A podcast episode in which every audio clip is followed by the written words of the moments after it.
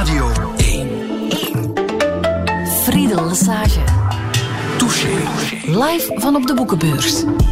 Touché, inderdaad, live van op de boekenbeurs met striptekenaar Mero.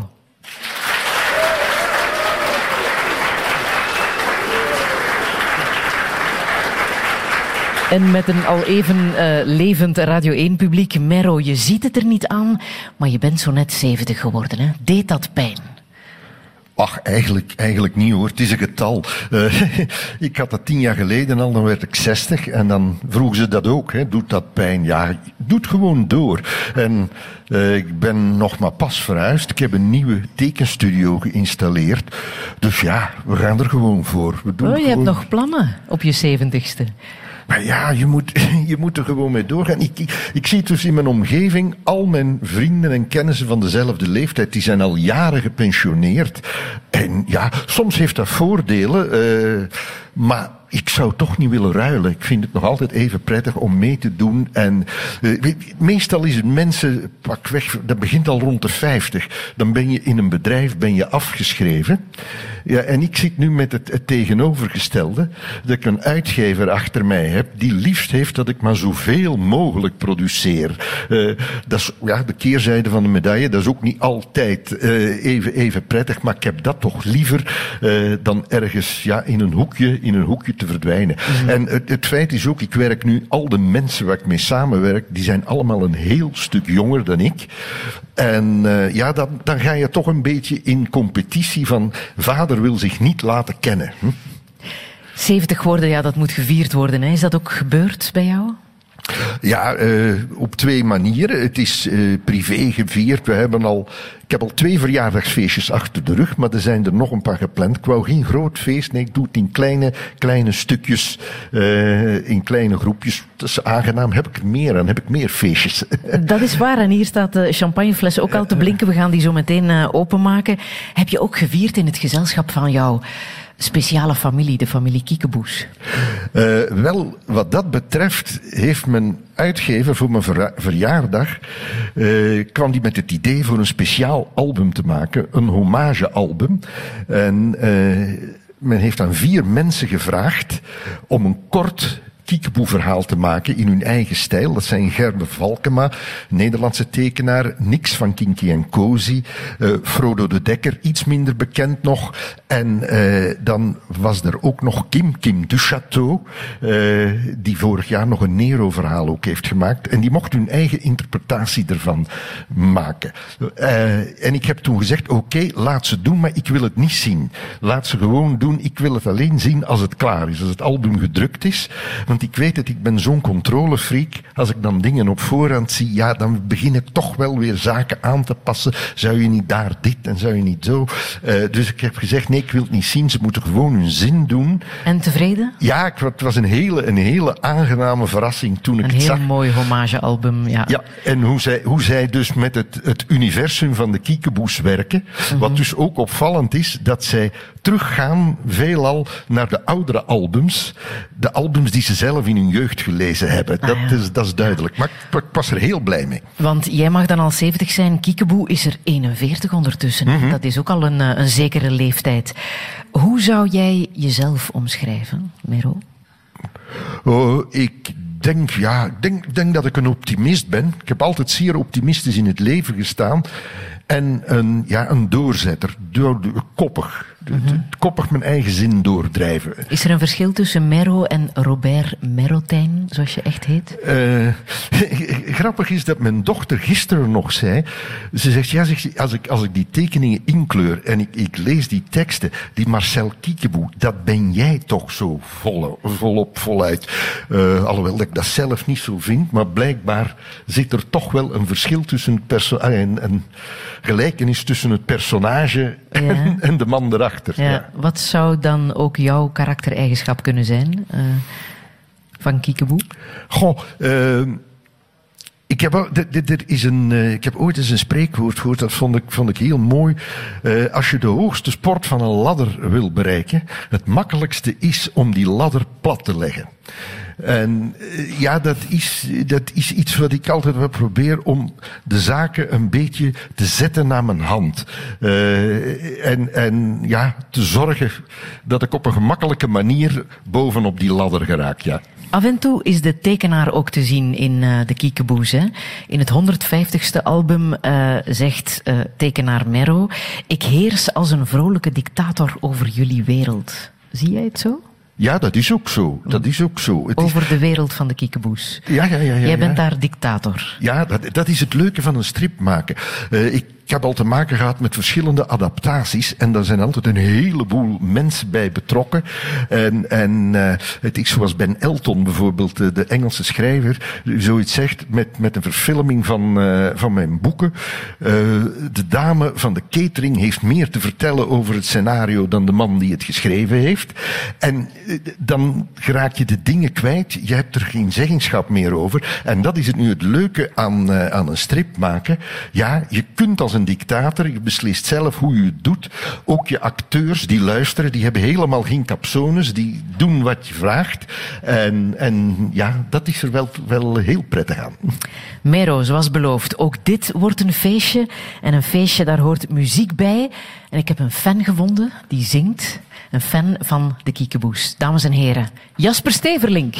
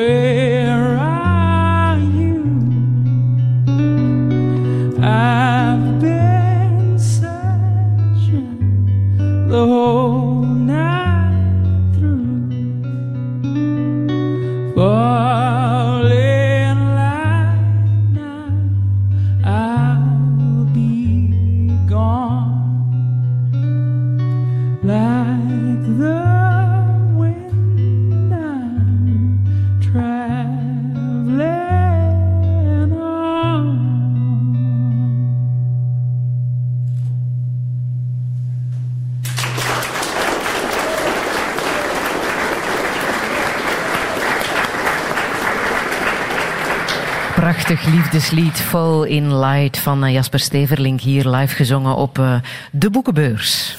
Touché. We zitten dus live op de boekenbeurs met Mero, de 70-jarige Mero. Je zal het wel een paar keer moeten horen hoor, Rob. Ehm, je gaat ook signeren, hè, maar dat doe jij hier alleen maar op zondag tussen drie en vijf. En ook nergens anders. Waarom? Ja, die, dat het nu op zondag tussen drie en vijf is, dat komt door het schema van de uitgever. Dat is toeval. Maar ik doe alleen nog maar de boekenbeurs. Oh, ik heb jarenlang, heb ik heel het land door, op alle mogelijke stripbeurzen heb ik eh, gesigneerd. En eh, ik ben er een beetje van teruggekomen, omdat je er ook altijd datzelfde publiek krijgt. Eh, niks van gezegd van dat publiek, dat zijn lieve mensen. Maar je krijgt er altijd diezelfde verzamelaars waar je van dan voor de honderdste keer nog eens een album voor signeert. En je kan er altijd, ja, ik kan er mijn geld op verwedden. Als ik ga signeren, dan is het mooi weer. En dan denk ik, oh, nu zit ik hier binnen en ik had kunnen gaan fietsen. Ehm, we moeten trouwens nog klinken. Hè. Ik heb ondertussen het glaasje champagne, of het is cava eigenlijk, eh, uitgeschonken. Zeg, eh, allemaal op jouw verjaardag. Zeg, wie ehm, leest Kiekeboe? Kan jij dat zeggen? Kan je daar de vinger op leggen wie jouw publiek is? Eh, goh, ik denk dat ik een heel, een heel ruim eh, publiek heb. Ja, het begint natuurlijk bij het, het jonge publiek. Want ja, hierin, en ook het genre dat ik maak, wordt nog altijd gelinkt aan strips voor kinderen. Eh, alhoewel ik zeg, het is geen kinderstrip, het is een familiestrip. Dat is een nuanceverschil. Dus ze beginnen dat te lezen. Ik pak weg van een, een jaar of tien.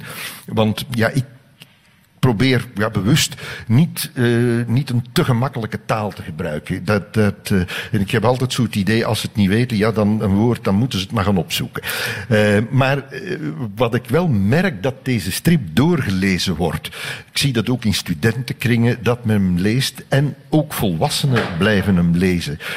Het is uit een, uit dus een onderzoek dat de uitgeverij een paar jaar geleden gedaan heeft. Daar bleek dat ook eh, vrouwen van middelbare leeftijd, dat is een groep die eh, nogal veel de kiekeboes leest. En de reden, denk ik, omdat de vrouwelijke personages in de strip, dat zijn de sterke personages. Het zijn allemaal sterke vrouwen die Ja. erin komen. En ik denk dat dat misschien daar de reden wel, wel Ja. van is. De meest recente eh, is ondertussen nummer 151, album 151. DD en partner over eh, vastgoedfraude op het eiland Gran Penaria. Mhm. Ben je daar al geweest op Gran Penaria? Eh, op Gran Penaria niet, maar wel op de Canarische eilanden. En daar heb, dat- je je inspiratie gehaald. Ja, en eh, ik, ik zat er, maar er is zo een, een verhaal, maar dat was in Antalya, is er ooit zo'n fraudeleus project geweest en, en de tennister Sabine Appelmans was erbij betrokken. Die hebben ze daar dus ook eh, fameus in de zak gezet. met dat, en dat was zo altijd blijven hangen, dat verhaal. En we waren vorig jaar op Tenerife, een weekje tussendoor, was zonpieken in de winter. En daar was dus een half afgewerkt gebouw. En toen kwam dat heel dat verhaal weer terug. Ik denk, hé, daar kan ik iets mee doen. En het was mooi weer. We zaten aan het zwembad in het hotel. Eh, maar na een kwartier begin ik me dan toch te vervelen. En dan heb ik gewoon er beginnen schrijven aan het zwembad. En toen ik naar huis vloog, ja, dan was het verhaal klaar. En toen was er ook een zeker personage, Els Lawai, dat verdacht veel lijkt op Clara Kleimans. Ja, ja, ja. Wat heb jij met Clara Kleimans? Oh, ik, ik heb niks met Clara Kleimans. Maar Clara Kleimans heeft wel iets met de kiekeboes. In die zin, die heeft al een paar keer haar stem geleend aan Fanny. Er is ooit een app geweest van eh, alle eentjes. eh, waar, ja, die werd nagespeeld ook met stemmen. Eh, heel mooi gedaan. En daar deed zij Fanny in. En ze doet dat ook in Comic Station. In een van de attracties waar de personages praten, doet zij dat ook. Maar ik heb dat, ik heb dat soms zo. Ik heb het ook gehad met Maggie Blok, een paar jaar geleden. Dan zijn we aan het brainstormen eh, over een verhaal. En ja, een bepaald personage. Hoe moet dat eruit zien? Hoe zou we, ja, en dan, ja, de- deze zo. Het type Clara Kleimans. Klein ding, roodharig. En dan zoiets, ja, waarom gebruiken we dan Clara Kleimans zelf niet? En met Maggie de Blok was het precies ook op die manier gegaan. Ja, maar alles wat bij jou binnenkomt kan eh, ter inspiratie dienen. Er is hier net voor de uitzending een pakketje geleverd met twee miniatuurauto's. Of ja, miniatuur vrachtwagens moet ik zeggen. Ja, ja, ja. Ehm, waar, waar mogen die voor dienen? Wel, eh, een vriend van mij, die hier trouwens aanwezig is, dat is een, een eh, groot verzamelaar van schaalmodellen. Die heeft duizenden schaalmodellen. En het handige is, als ik zoiets speciaal nodig heb en ik vind het niet, je vindt er gewoonlijk wel dingen op, eh, op internet als je googelt, maar als je het moet gebruiken langs alle kanten, zeker bovenaanzichten, dat is moeilijk te vinden, dan is het makkelijk om naar een schaalmodel te werken. En dan vraag ik dat aan hem, eh, heb jij dat of dat? En gewoonlijk heeft hij het. En nu had je een eh, soort vrachtwagen nodig. Ik had zo'n tankwagen nodig. Een paar maanden geleden eh, las ik iets in de krant. Ik geloof dat het in Polen was.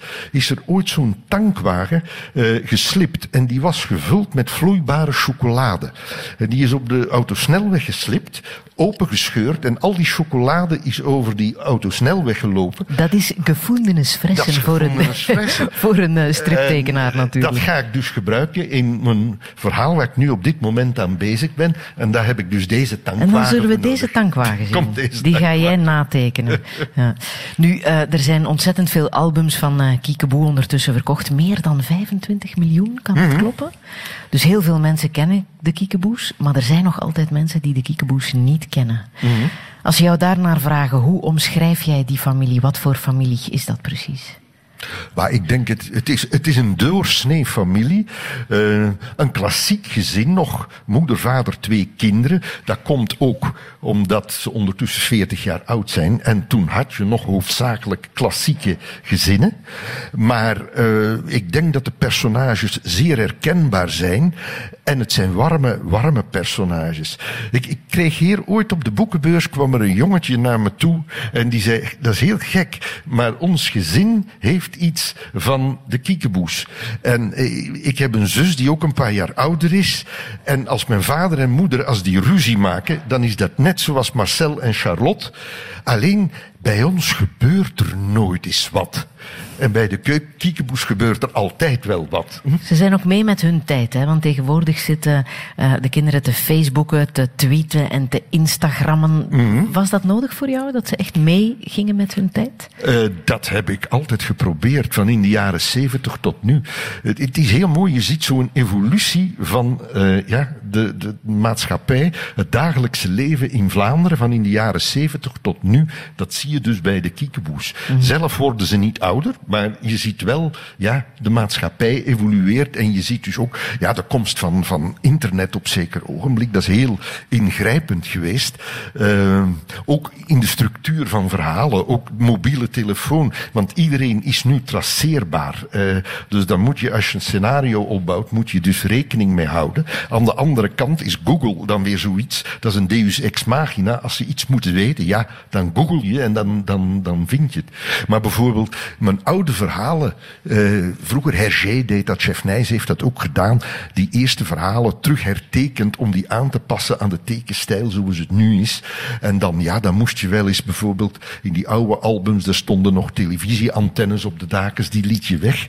Maar dat kun je nu niet meer zomaar doen, want eh, de verhalen moeten ook structureel volledig anders zijn. Ik heb ooit een verhaal gemaakt en dat draaide in het begin tussen twee filmrolletjes die werden binnengeleverd eh, om ja, binnen het uur ontwikkeld te worden. En die worden verwisseld. Ja, begin dat nu nog maar eens uit te leggen aan de jonge generatie wat dat was, zo'n Ja. filmrolletje. Dus het moet nu, ja, als je dat doet, moet je ook heel ingrijpend ja, de structuur van je verhaal veranderen. Qua thema's ben je ook altijd wel mee met je tijd geweest. Hè? Je hebt een album geschreven over eh, pedofilie eh, Mhm. in de kerk. Je hebt het thema eh, van transgender eh, ook binnengebracht. Er is een personage dat eh, prostituee is. Dat kan allemaal voor jou. Of is net noodzakelijk misschien. Noodzakelijk, het kan. Het is niet dat ik zo'n dingen doe om te choqueren.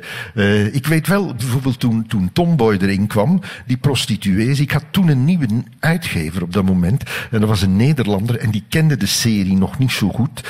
En toen ik hem dat vertelde, ik zeg, ja, Fanny krijgt een vriendin, een, eh, een mulat, een gekleurd meisje. Oh, heel fijn. Eh, ja, dat, dat je dat erin brengt. Ik zeg, ja, maar ze heeft een beetje apart beroep. Ze is prostituee. Ja, toen kreeg die man alle kleuren van de regenboog. Van wat gaat de gemeente daarvan denken? Ik zeg, ja, maar ik heb al zoveel dingen gedaan. De eerste homofielen in een, in een strip in Vlaanderen, die kwamen in de kiekeboes. Ik zeg, ja, dat moet lukken. Ik heb naderhand gehoord van, uh, van de, de directeur, de toenmalige directeur, dat dat tot in het directiecomité is geweest. En die man, die nogal libertijns was, die zei, jongens, laten we daar niet onze tijd aan verspillen en over discussiëren. Als hij het in zijn kop heeft om dat te doen, doet hij dat toch. Punt. en dat is eigenlijk, en dat personage, in het begin was er zo'n beetje, ja, werd er zo wat vreemd naar gekeken. Maar eigenlijk, dat, want het is een heel lief en warm personage en die is ah. gewoon aanvaard geworden. De strip is natuurlijk ook heel erg bekend om de taalspelletjes. Mm -hmm. um, mag ik een klein quizje doen met uh, de tekenaar? Oh. Welke naam geef jij in de kiekeboes aan uh, een fitnessuitbaatster? Weet je dat nog? Uh, God, dat is, al, dat is al een hele, hele oude. Ik heb, ik heb hier in, in, in de zaal, denk ik dat hij rondloopt, uh, een goede vriend van mij die, die er alles van weet. Dat is een levende encyclopedie. Die weet meer dan jij ja, die over weet de meer. Trouwens, als ik, als, ik, als ik twijfel over iets, van bijvoorbeeld een naam, zo met die naamspelletjes, heb ik dat nu al gebruikt of niet? Dan vraag ik het aan hem en hij weet dat dan te zeggen, want hij maakt er echt Excel-lijsten van. Nu zegt ja, nee, die heb je nog niet gebruikt. Of niet, maar weet je dat je die toevallig twee keer gebruikt hebt? Ja, ja, nog eens dat ja, ik zal jou helpen. De fitnessuitbaatster heette Anabolica. Anna ah, dat is al heel lang geleden. Ja, ja. De terrorist, die weet je wel nog, hè? De terrorist? Mm, nee, nee, nee. nee. Ben Laderzat. Ah, ja, ja, ja. ja Moet je vooral geschreven zien staan, hè? Ben Laderzat, met TH achteraan. Een milieuactivist noem jij? Ik heb ooit eens Groene Michel. Ja, de ja? Groene Michel. Ja, ja. Is... Een uh, toiletdame. Daar had je ook een leuke naam voor bedacht. Uh, ja. Goh. Uh... Jeanne Darm. Jeanne, Jeanne Darm. Ja, ja, ja. ja. Uh, een uitvaarthostes. Weet je dat nog? Ik, ik zie het voor me in welk Hij is album. 70 geworden, hè? Hij is 70 geworden. in welk album met die namen Chris Zand. Ah ja, Chris Zand. Chris Zand. Ja, ja, ja. Heb je hem, heb je hem. De advocaat, die heette Meester... Uh, meester Babbelaar? Brodeo? Misschien was Babbelaar oh. er ook wel ja, ik heb, ja. Meester Brodeo. En de stressdokter was dokter O. Oh, nee, verspannen. Oh, verspannen. Ik oh, zou ja. dus oh. meer punten gehaald hebben dan, uh, dan Mero zelf in deze kiekeboekquiz. Waarvoor dank. Ik weet nog ja, niet wat ik gewonnen heb. Ja, maar het is altijd zo. Als een, als een verhaal klaar is, dan is het, is het afgelopen. Ik, ik, als ik aan een verhaal bezig ben, dan sta ik ermee op, ga ik ermee slapen. Maar eens het klaar is, dan wordt dat... Uh, maar 40 jaar is ook al wel wat, ja. hè? Dat heeft zo zijn voor- en zijn nadelen, dat je niet alles kan onthouden. We praten zo meteen verder na uh, een volgend nummer van Jasper Steverlink.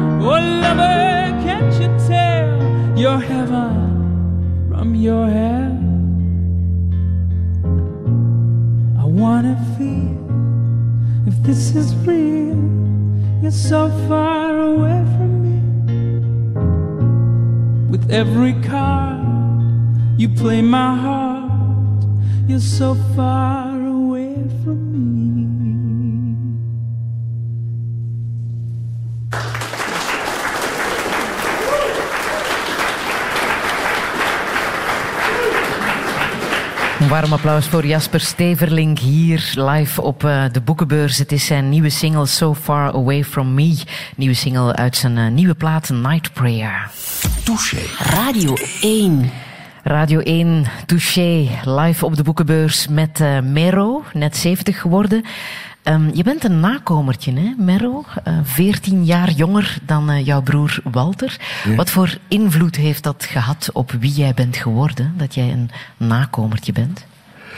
Eh, ik denk achteraf gezien vrij veel. Eh, ja, toen, ja toen, toen ik zo wat, ja, tot het besef kwam dat ik bestond, ja, dan was mijn broer, eh, ja, was dan volop in de puberteit. En ja, die, die, die, die vond het wel leuk, een klein broertje, maar die had hele andere interesses. Die begon achter de meiden aan te lopen en zo. Dus, en, en ik had eigenlijk, eigenlijk, eh, eigenlijk er weinig aan als broer op dat moment van te zeggen, ja, complotten maken, samen dingen doen en zo. Mijn moeder zei dat altijd, ik heb twee enige kinderen. En eh, ja, dat was zo. Later is dat, later is dat wel veranderd. Maar als kind zat ik altijd tussen, tussen volwassenen. Maar En- jouw broer is wel heel erg belangrijk geworden in het ontstaan van Kiekeboe, hè? Dat wel, dat wel, ja, ja, ja. Via het poppenspel. Ja. Hoe is dat gegaan? Ja, mijn broer die eh, was, was leraar, die was onderwijzer.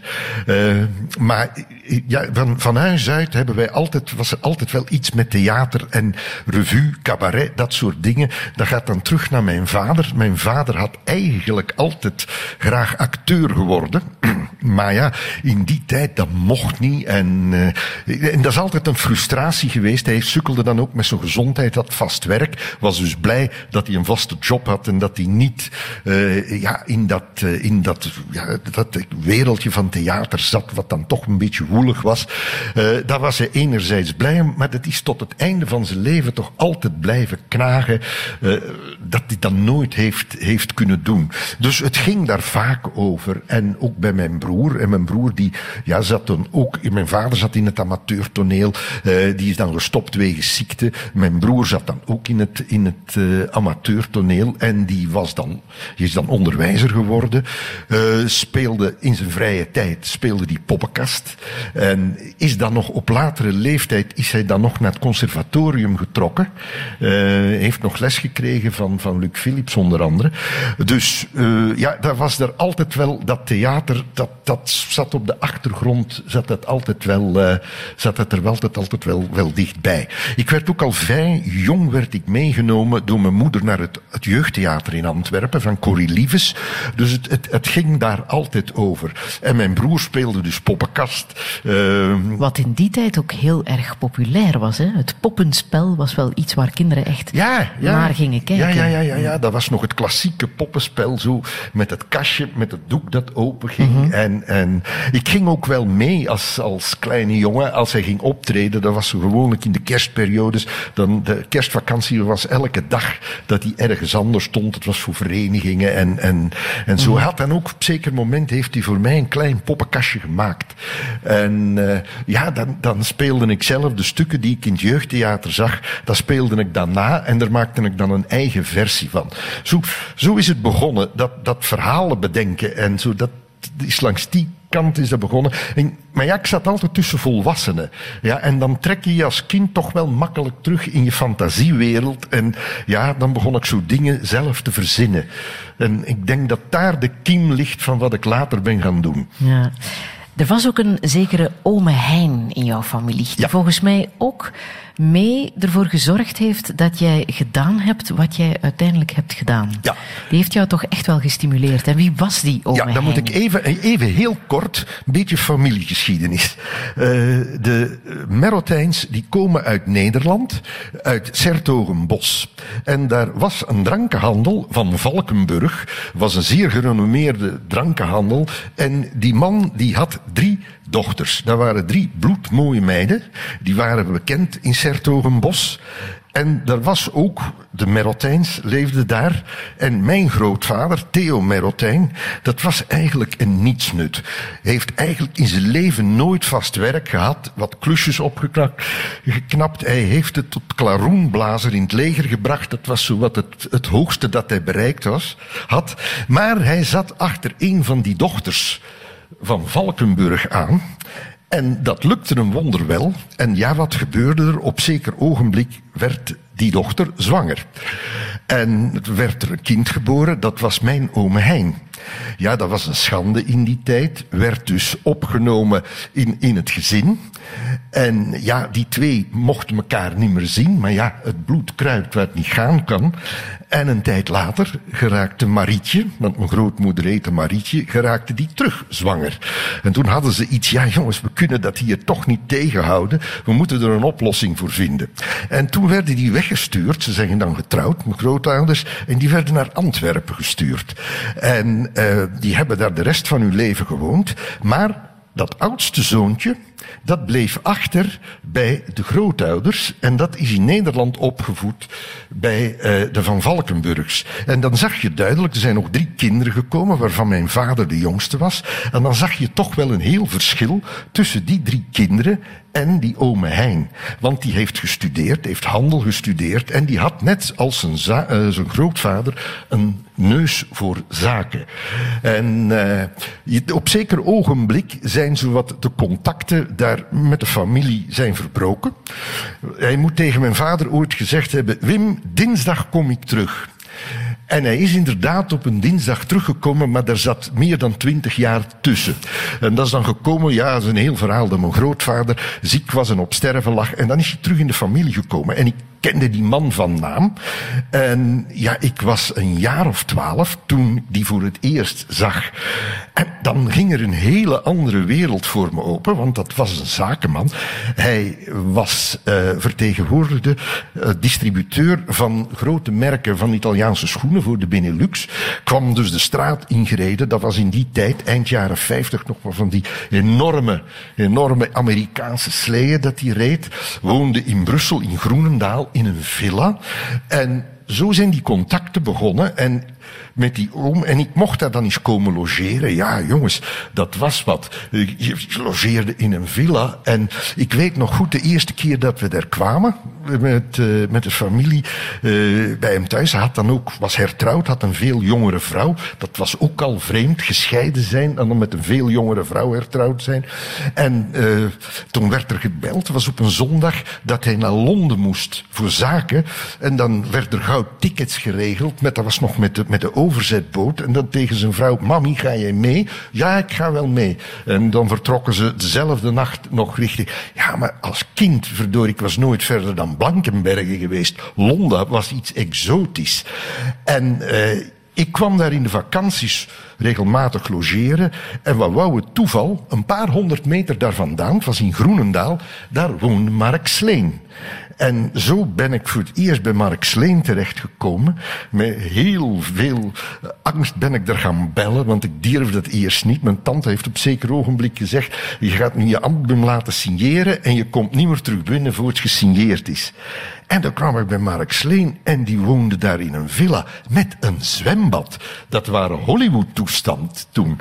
Uh, ja, en toen heb ik zo het idee gekregen, hé, hey, als je strips maakt, dan kan je dus een zwembad met bij elkaar verdienen.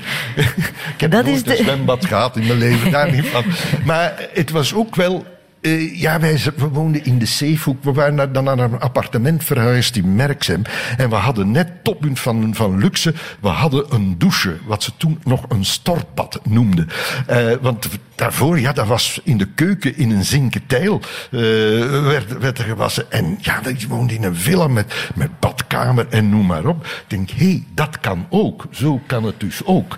En eh, ja, die man heeft me toch altijd gestimuleerd ook. Terwijl de rest van de familie er vaak tegen was van wat ga je nu doen? En je in een avontuur storten en zelf een strip maken. En hij was de enige die dat stimuleerde en die zei, ja jongen, je moet dat doen.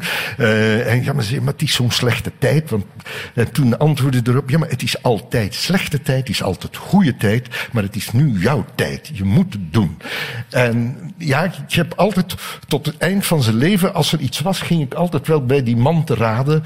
Eh, was niet altijd de gemakkelijkste man, maar was toch wel een, een heel verstandige man die een enorme, een enorme invloed op me gehad heeft. Want jouw eerste tekeningen die je hebt gemaakt als, als kind, als, als tiener, heb je ook meteen verkocht. Hè? Je, je, je dealde al meteen met jouw tekeningen. Je maakte blaadjes om je Rome-reis te betalen en zo.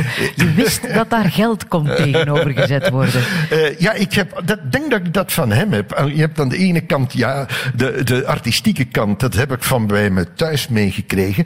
Uh, maar ik denk de mercantiele kant, die heb ik van, uh, van mijn oom meegekregen. Ja. Weet je nog het, het, eerste, de eerste tekening die echt is gepubliceerd? Geweest? Oh ja, dat weet, dat weet ik nog. Dat was in, in, in een reclameblaadje in, in, in Merksem.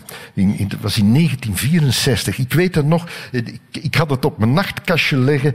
Uh, de, de afdruk, een tekening afgedrukt zien staan. Wauw, dat gaf een enorme kick. En ik weet dat ik s'nachts wakker werd en mijn, mijn, mijn, mijn, nacht, uh, mijn nachtlampje aanstak en terug ging kijken. Wauw, ik heb een tekening die afgedrukt is. Ja. Je bent naar Brussel getrokken om daar uh, grafiek te studeren, ja, denk ja. ik, aan uh, Sint-Lucas. Uh, striptekenen, dat, dat bestond toen nog niet echt, denk ik. Hè? Dat kon je niet echt op school leren. Er, was, er bestond nog geen opleiding voor. Ze hadden het een paar jaar daarvoor aan Willy van der Steen gevraagd uh, om dat te doen in Sint-Lucas in Brussel. Uh, maar Van der Steen, die ook altijd zeer pragmatisch was, die zei, ja jongens, ik wil dat wel doen, maar kan je die mensen die hier afstuderen, kan je die dan garanderen dat die ook werk hebben in die sector? Anders begin ik er niet aan. En hij had ook een beetje het idee, ja, zegt hij, heeft me dat later verteld, zei, ik denk dat ze gewoonweg mijn naam wouden hebben. Dat ze zei, ja, Willy van der Steen doseert hier. En uh, hij heeft dat nooit gedaan. En toen ik daar kwam, is eigenlijk een beetje door een boekje van Gaston Durné, De Lachende Tekenpen. En hij had een boekje gemaakt begin jaren 60, waar dat toen al de cartoonisten in Vlaanderen uh, in gecatalogeerd stonden, met een kleine biografie. En er waren er verschillende van de jonge cartoonisten van toen, Gal, Hugo K. En die hadden allemaal op Sint-Lucas hadden die gestudeerd. Dus ik dacht, ja, cartoons, strips, dat ligt er het dichtste bij, dan ga ik daar naartoe. Maar daar heerste toch eigenlijk een sfeer. We waren ondertussen tweede helft van de jaren 60. 68 heb ik meegemaakt op Sint-Lucas. En er heerste toen toch al een sfeer. Strips, ja jongens, dat was not done. Dat was commercieel, dat, dat deed je niet. En dat was in, in, in die school ook vanuit de leerlingen een beetje een anti, een anti-sfeer. Maar ik heb dat dan toch doorgezet en ben dan Daarna ben ik dan bij Van der Steen terechtgekomen. Heb je daar echt het vak geleerd? Ja, ja. Want daar was, heb je een zevental jaar gewerkt hè, bij Studio ja, Van der ja, Steen. Dat was, dat was thuiskomen. Ja. Maar het, het, het wil ik nog even zeggen, dus met dat boekje van Gaston Durné. Jaren later heb ik Gaston Durné bij een gezamenlijke vriend in het zuiden van Frankrijk voor de eerste keer ontmoet. En ik vertel hem dat verhaal van dat boekje en dat ik toen naar Sint-Lucas ben geweest. En zonder het te zeggen, Durné voelde direct, ja, maar daar zat jij niet op je plaats.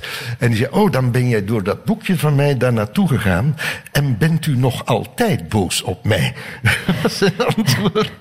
Uh, Jasper, wil jij nog een nummer zingen? Dan zullen we zo meteen nog met jou praten. Dames en heren, Jasper Steverlink.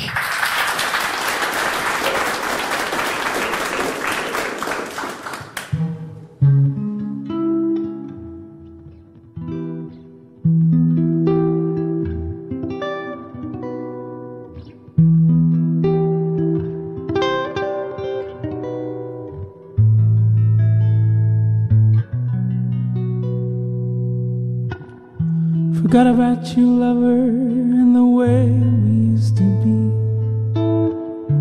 Forgot about the heartache and the night you set me free.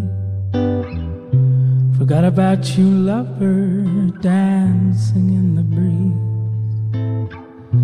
That's not how dreams are made. Forgot about you, lover, and the clothes you used to wear. Forgot about the heartache and the nights we used to share. Forgot about you, lover, you left me standing there. That's not how dreams are made. But where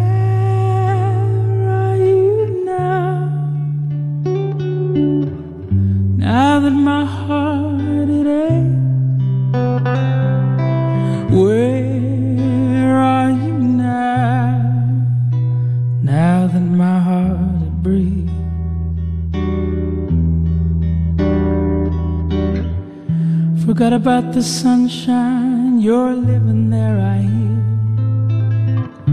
Forgot about the heartache, it slowly disappeared. Forgot about you, lover, you faded with the years. That's not how dreams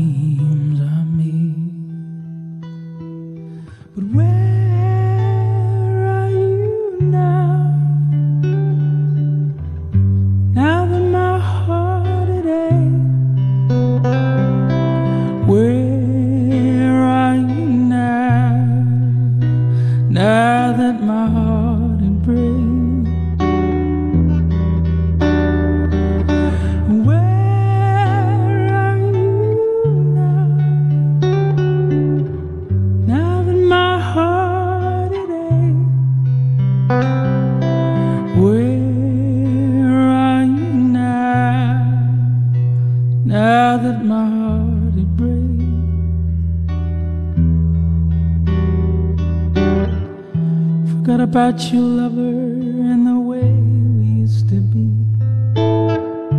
Forgot about the heartache and the night you set me free. Forgot about you, lover, dancing in the breeze. That's not how dreams are made.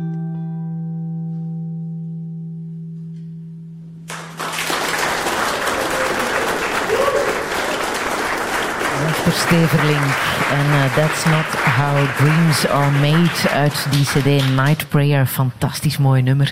Dankjewel Jasper Steverlink, je bent er ondertussen even komen bijzitten. Jij bent natuurlijk van die generatie, ja, je bent ongeveer even oud als Kiekeboe, dus mag ik zeggen Ja. dat jij van de Kiekeboe-generatie bent?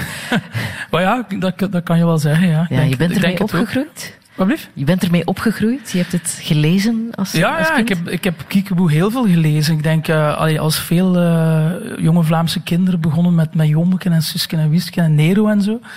Maar op, eh, ik denk ongeveer op de leeftijd van tien jaar of zoiets, was daar ineens Kiekeboe. En dat was ja, anders. Dat was eigenlijk een heel andere strip dan die, dan die andere. En dat vond, eh, vond dat heel tof. En, en ik ging ook vaak, ehm, als ik met mijn ouders op reis ging naar Frankrijk om de kinderen stil te houden, kregen wij strips eh, Ja. eh, eh, aangereikt. Ja, zo dus, en, en ja, Kiekeboe zat er heel veel bij. En ik had ook, eh, wij wisselden die ook uit, dus met beste vrienden en vrienden in de straat. En, en Mhm. verderop zeiden van, ah, ik, heb die, ik heb dat album al en jij dat. En, dan- dan lazen we ook samen en zo. Ja. Dus- En als je zegt dat was anders, eh, wat bedoel je daar dan mee? Ja, ik bedoel, Kiekeboe was qua stijl ook helemaal anders dan bijvoorbeeld Jommeke of, of Nero of Suske en Wiske. Dus dat, dat ook, daardoor had je ook veel zin om het te lezen. En het lag, denk ik, dan misschien dichter direct bij, bij, bij onszelf. Omdat het ook inderdaad leek als een, een gezin, als het, eh, ja, als het jou is. Hè. Had het gevoel van, hey, dit, dit, dit, dit kunnen wij wel zijn. Ja. Wij, wij kunnen in die avonturen... Heb jij een favoriet personage? Eh, ja, eigenlijk was dat funny. Natuurlijk, als, als eh, on- eh, ontluikende tiener vond ik dat wel een heel knappe eh, verschijning in, in dat boek. En dat was in die strips natuurlijk. En, Heeft dat iets bij jou gedaan? Het bestaan van Fanny in jouw leven? Eh, wat iets met mij gedaan, dat, dat, dat, dat zou ik nu niet echt zeggen, maar het was, ehm, het was spannend om, om, om, zo, ja, om, dat, om, dan, eh, om die kiekeboes te lezen. Ja, Mary, M- Merro, was jij daarvan bewust dat Fanny toch wel iets teweeg bracht bij die jonge kereltjes die eh Kiekeboe zaten te lezen? Eh, ik wist het meteen toen het personage op punt stond. heb ik gezegd, zeg, als die strip het ooit gaat doen en het wordt iets, dan ligt het aan haar.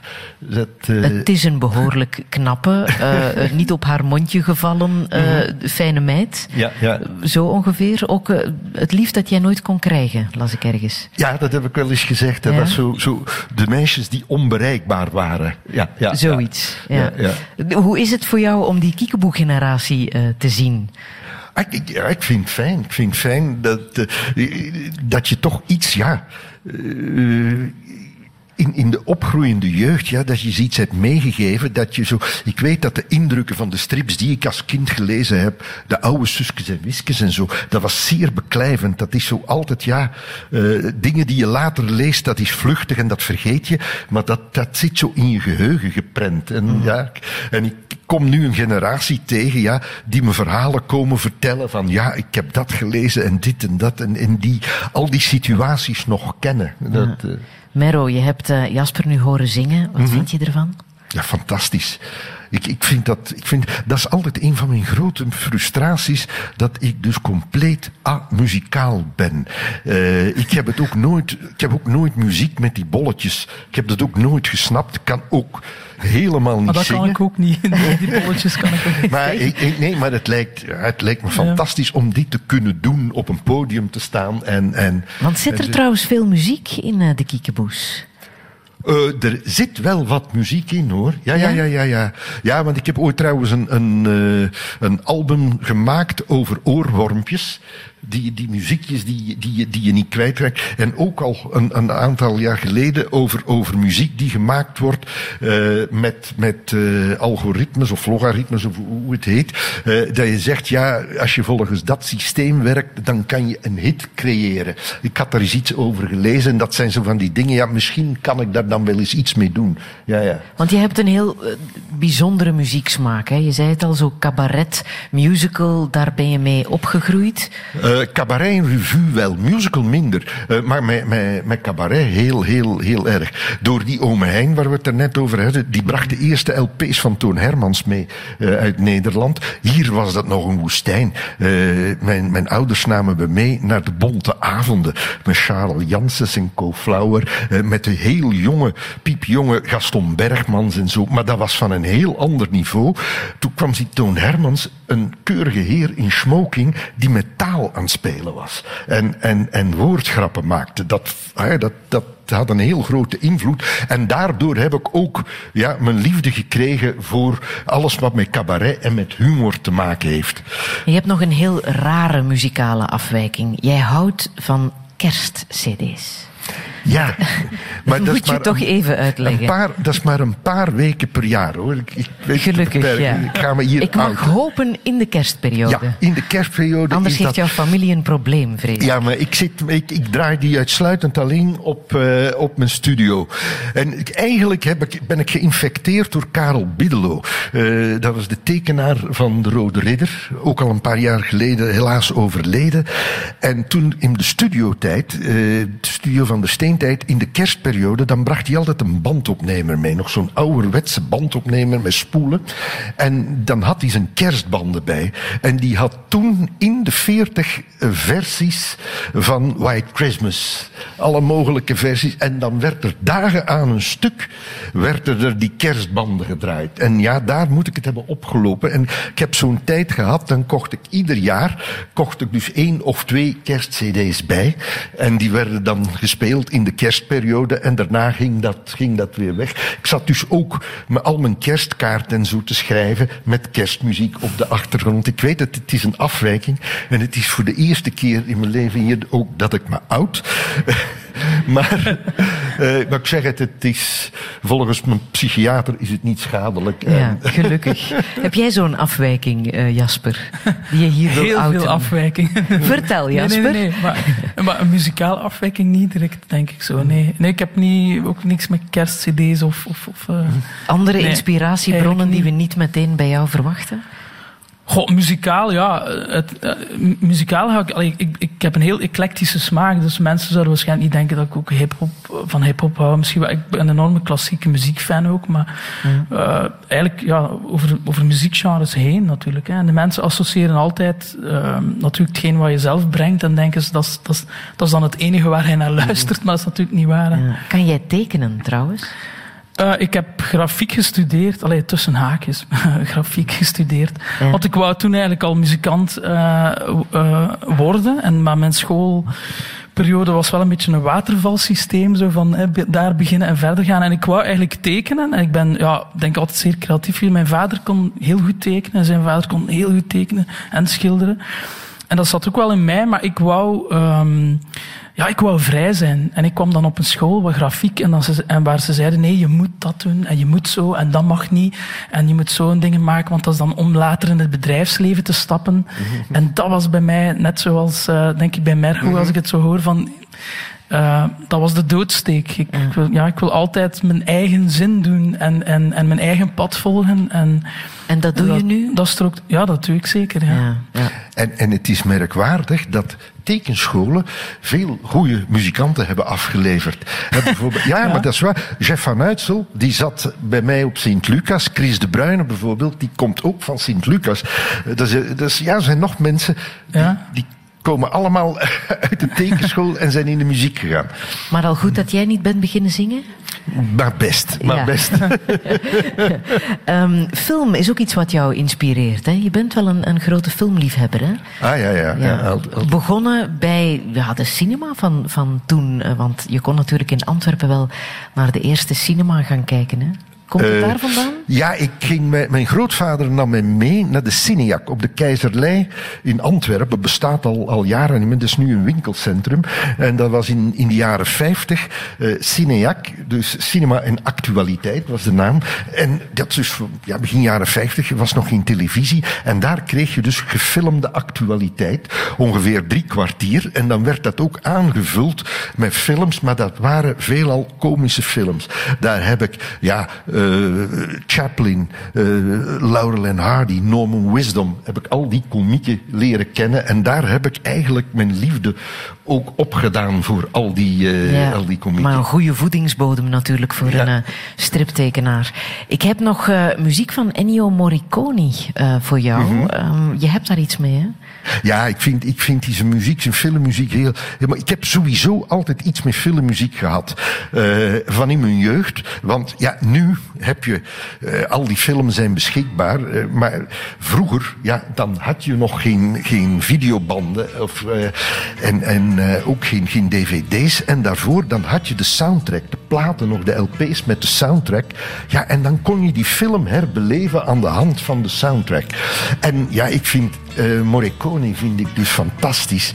Ook hoe die... eh, ja, dit, dat is zo beeldend, zo, zo, eh, zo, zo plastisch. Komt trouwens binnenkort nog naar Antwerpen. Ja. En eh, de man is, is, is heel oud. Ook heel gek. Hij woont in Italië. Hij heeft voor alle grote Hollywood-producties muziek gemaakt en spreekt dus geen woord Engels. Spreekt uite- uitsluitend Italiaans. Maar ja, zijn muziek is zo universeel, hij heeft die taal niet nodig. En dit bijvoorbeeld, dit zou perfect bij een stripverhaal kunnen Mhm. passen. Muziek uit My Name is Nobody uit 1973.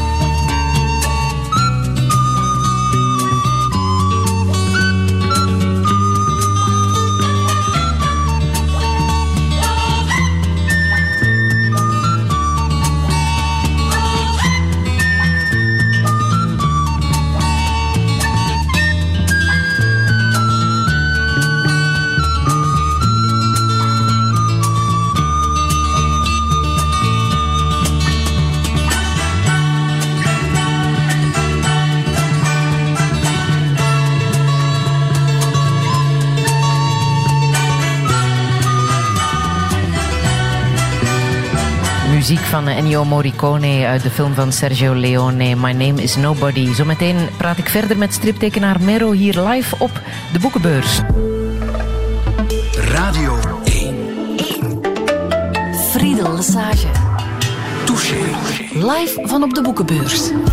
Touché live op de boekenbeurs met de jarige Rob Merotijn, beter bekend als Merro, de geestelijke vader van de Kiekeboes. Meer dan 40 jaar zit hij in het tekenvak en zo net begon hij aan zijn 70ste levensjaar. In hoeverre houdt de familie Kiekeboe hem jong? Wie zit er achter dit vrolijke familiebedrijf? En hoe moet het verder als de tekenaar straks het potlood neerlegt? Dit is Touché, live van op de boekenbeurs met live muziek van Jasper Steverlink.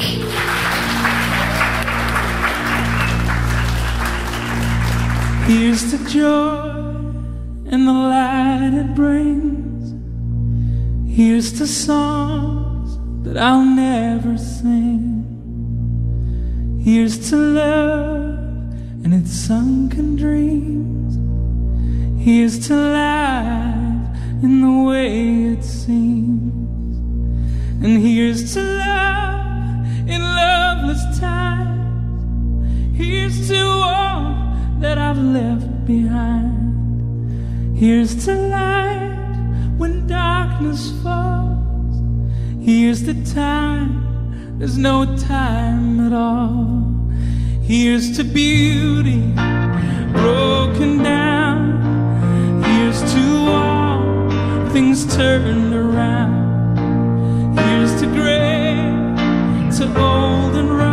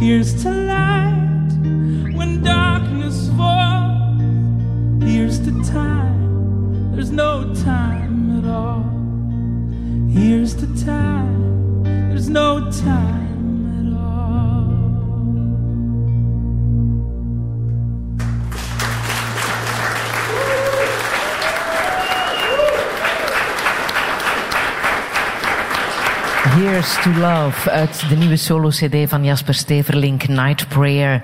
Hier ook gespeeld met Valentijn Elzen aan eh, de piano, kunnen wij zien. Hier live op de boekenbeurs en ook via de livestream trouwens van eh, Radio 1. Mero, 70 jaar lang al loop jij op deze aardbol rond. Hoe volg jij het nieuws? Ja, ik zit heel de dagen te tekenen met de radio op. Dus ik krijg al, die, al dat nieuws. Tien keer per dag komt het langst. Eh, ik zit altijd ja, te zoeken of dat er iets tussen zit wat ik kan gebruiken. Dat is, dat is altijd zo. Ja. Dat is zo'n zesde zintuig dat ik ontwikkeld heb. Dat is in alles wat ik lees, als ik een krant doorneem, eh, nieuws hoor.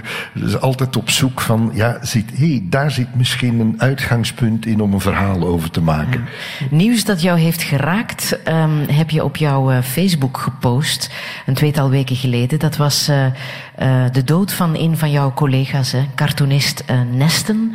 En dat eh, is deze man. Ik ben gekweekt in een klooster bij nonnekes. Ik had geen ouders.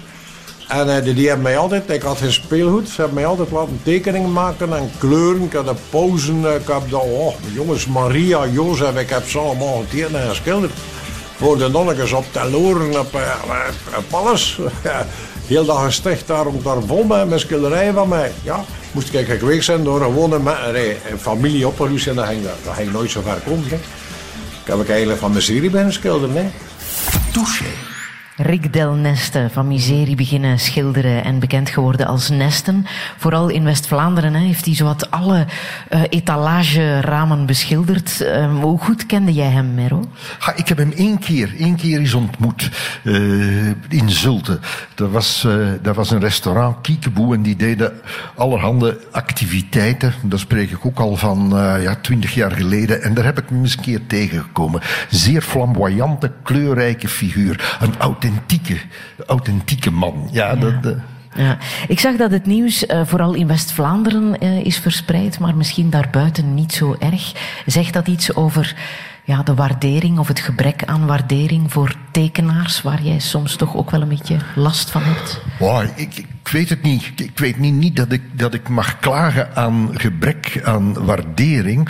Wat wel is, eh, zeker van publiek niet, eh, zeker niet. Maar er hangt toch nog altijd bij ons tegenover populaire dingen, zoals strips, ja, er hangt toch wel een zeker dédain tegenover. En dan zijn er zo van die zaken dat ik, dat ik zeg bijvoorbeeld twee jaar geleden, eh, twee of drie jaar geleden was in Frankfurt op de boekmessen, dat is maar een, een voorbeeld. Daar stond het Nederlandstalige jeugdboek centraal. Eh, nu, de, strips werden daar gemeden. Het is te zeggen, graphic novels, die nota bene hoofdzakelijk door volwassenen gelezen worden, en niet door kinderen, die werden er gemeden. Maar dus de Vlaamse strip, die leeft onder het volk. Het was of men daar gegeneerd voor was, want nee, dat kon er, dat kon er niet bij, dat mocht er niet bij. Dat, dat zie je wel, dat verschil, Goh, dat is vaak zo hoor. Ik, er is nu in, in, eh, in, in Seamine in Genk een hele mooie tentoonstelling over Tim Burton. En ehm, die tentoonstelling heeft in het MoMA in New York gestaan. Maar er kwamen dus recensies op van de grote kranten van, ja jongens, dit kan dat toch niet. Dat een museum als het MoMA, dat die Tim Burton, Tim Burton exposeren. Terwijl het na Picasso de tweede best bezochte tentoonstelling was in het museum. En ja, dat is zo wel af en toe dingen. In, in Frankrijk, de Franstalige wereld staat er heel anders tegenover. Ik heb heel, heel wat jaren geleden hoorde ik op de radio, en het zou kunnen dat het bij jou was, maar daar ben ik niet zeker van. En het ging hem over eh, boeken, over literatuur, dat wij hier in Vlaanderen eigenlijk weinig weten van wat er in Wallonië en in Brussel Franstalige literatuur gelezen wordt en omgekeerd. En toen eh, was daar een journalist, ik denk van de Soir, die perfect Nederlands sprak. En het ging daarover. Maar op zeker ogenblik zei hij, ja, eigenlijk kent men in Vlaanderen wel de Franstalige literatuur. Want jullie lezen toch Hergé en Franquin en Peo. Die striptekenaars, dat werd er gewoon vanzelf bijgerekend. En dat is hier bijvoorbeeld anders. Ik heb altijd de indruk dat een kookboek meer tot de literatuur behoort dan een strip. Uh, maar we hebben natuurlijk wel een fantastisch stripmuseum in Brussel. We hebben een heel mooi museum. Ja, Ja, ja. ja. Ehm, nu, eh, ik wou het daarnet even bij jou verifiëren. In het begin zei ik al, je hebt meer dan 25 miljoen strips verkocht. Mhm. De teller blijft lopen. Je zit aan de 30 miljoen Ja, ik denk dat zal ongeveer zoiets Dat is zijn. behoorlijk wat, hè? Dat is hoeveel exemplaren? Want je hebt nu 151 albums uit. Eh, Heb ja. je daar een idee van, gemiddeld? Goh, ik ben goed even een in kleine rekenen. berekening doen. Ik ook niet. Dat, dat hebben we dan met elkaar gemeen. Ehm, de- strips zijn destijds in jouw beginjaren verkocht voor hoeveel Belgische franken? Hoeveel Eh, die- mijn eerste album dat was 35 Belgische frank. Nog geen euro. Nee, en ik, ik, weet, ik weet dat op zeker ogenblik kostte de Humo kostte duurder dan een album van de Kiekeboes. Ja. Je behoort tot de rijkste Belgen, hè, Mero? Mag ik dat zeggen? Dat weet ik niet. Je staat op de lijst van Oh. de rijkste Belgen. Ah ja? Oh, Ja. dat- Het verdient toch goed. Je wou toch een huis met zwembad? Dat zwembad is er niet van gekomen, maar dat huis allicht wel. Doet dat dan toch nog deugd? Dat als, zelfs als de waardering wat eh, minder is dan je zou willen, dat het, ehm, dat het geld wel binnenstroomt? ik- uiteindelijk, uiteindelijk, ja, dat is natuurlijk dat je er geld mee verdient, dat is leuk. En, maar het is nooit het, het, het leidmotief daarvan geweest. Want, want het, het, meeste, ja, het meeste plezier heb ik gewoon weg als ik in mijn atelier zit en een nieuw verhaal aan het bedenken ben. En je bent bezig aan een nieuw scenario en heel dat verhaal valt mooi in elkaar. Ja, dat zijn de zaligste momenten die ik meemaak. En voor sommige mensen is het ook heel veel waard. Hè? Want stripveilingen bijvoorbeeld zijn ook nog altijd heel erg populair. Daar Mhm. Ja, worden ja. ook kiekeboes geveild. Eerste drukken van jouw eerste exemplaar bijvoorbeeld. De wollebollen, ik weet niet. eh, Ja, heb ja, jij ja. een idee hoeveel dat gaat? Goh, ik, ik, ik zou het niet precies weten, ik niet, maar het, het, het gaat veel geld. Er is ook een, een, een albumetje waar je er straks even op vanuit mijn studententijd, eh, uit mijn middelbare schooltijd. Dat was op duizend exemplaren eh, is, dat, is dat gedrukt. En dat werd in Merksem van huis tot huis verkocht om de, onze Rome-reis te spijzigen. Ja. En ik had daar zo, ik ja, ik kwam met dat idee en dan gelijkertijd had ik een eerste albumetje. En er zijn er duizend van gedrukt en de meeste zijn ervan in, eh, in de vuilbak of bij het oud papier terechtgekomen. Maar ik heb gehoord een tijd geleden, maar dat was nog in Belgische frank, dat er zo eentje verkocht is toen voor 22.000 Belgische frank. Ja. Ja. Is nu 5000 euro waard, waar het Ah. over hebt. Ja. En een, eh, de eerste druk wollebollen, mochten mensen dat toevallig in de kast hebben gestaan, ongeveer 3000 euro waard. Ah. Dat kan al tellen, hè? Ja, ja, ja. Ehm, troost het jou dat eh, mensen als Geert Noels en Jean-Paul van Bendegem grote fans zijn van jou? Ja, ik vind, het, ik vind het leuk. Ik vind het alleen jammer dat mijn moeder dat niet meer kan meemaken. Ja? Eh, mijn moeder, ik gaf haar trouw elk, elk nieuw album dat uitkwam, maar dat heeft ze dus nooit gelezen. Maar ik heb dus ooit eens een brief gekregen van een chirurg die het las en, en eh, die een paar vragen stelde. En dat is ze aan al haar vriendinnen gaan vertellen, want dat vond ze zo fantastisch. Dus ik denk, ja, de waardering van eh, Geert Noels en van Jean-Paul van Bendegem, dat ze dat echt op prijs zou gesteld hebben. Trouwens, Jean-Paul van Bendegem gebruikt in zijn cursus logica grappen uit de kiekeboes. Eh, en econoom eh, Geert Noels heeft ook een voorwoord Hij geschreven heeft bij in jou. het, eh, in het nieuwe, in, hij heeft eigenlijk het nawoord geschreven. nawoord, In, ja. in, in het, wat ik heel blij mee was, dat hij dat wou doen. ja. Hoe zit het met het leesgedrag van kinderen als het over strips gaat? Is daar iets in veranderd? Goh, daar weet ik exact niks van. Er worden nog altijd veel strips gelezen, maar het is niet meer zoveel als vroeger. Het, het, het loopt een beetje terug. Eh, toen mijn dochter in de middelbare school zat, dan las iedereen in de klas las dat. Iedereen kende de kiekeboes en las dat, behalve zij. Ze was de enige die het niet las en ze heeft er dan eens een paar albums gelezen, omdat ze het dan toch wel weten. En ik denk niet dat ze er nu echt kapot van was. van die. Maar als ik het nu aan mijn kleindochter, die nu ook in de middelbare school zit, vraag, en lezen ze dat in de klas? En dan krijg je het antwoord, ja, ja, sommigen lezen dat. Maar het is niet meer algemeen. Je ziet, er is toch wel ja, een verschuiving gekomen.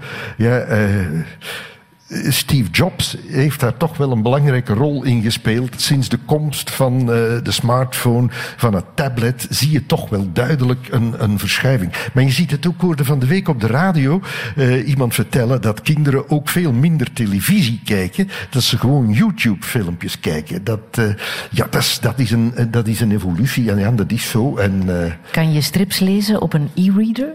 Bestaat dat? Eh, je kan ze op een e-reader niet, want daar kan je geen beelden op krijgen. Maar je kan ze wel, er bestaan apps dat je ze op het tablet kan lezen. Maar dat is heel, heel klein. Om een, kan een getal geven van de 151 titels van de Kiekeboes. Ik kreeg een paar maanden geleden de cijfers van vorig jaar.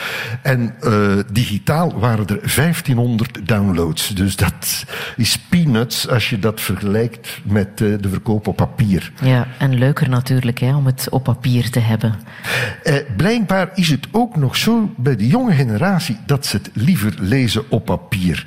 Eh, want als ze dingen eh, met die videogames en, en zaken, die, dan willen ze geluid hebben, dan willen ze beweging erbij hebben.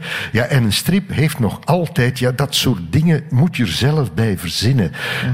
de stem van een personage, het is soms ontluisterend als je opeens zo'n personage hoort praten, want het praat helemaal anders dan dat je dat ingebeeld. Ook zo de, de, ja, de overgang van de beelden. Uh, Willy van der Steen zei dat altijd. Ja, we, we, maken een soort van storyboard. En je, je hebt nog altijd de, de overgang van het ene beeld naar het ander. Hetgeen dat daartussen zit, dat moet je nog zelf verbeelden. Hm? -huh. Zometeen wil ik eens uh, met jouw dochter praten en horen waarom ze uh, jouw strips niet heeft gelezen. Maar eerst nog een, uh, een nummer van Jasper Steverling. Geef hem een applaus.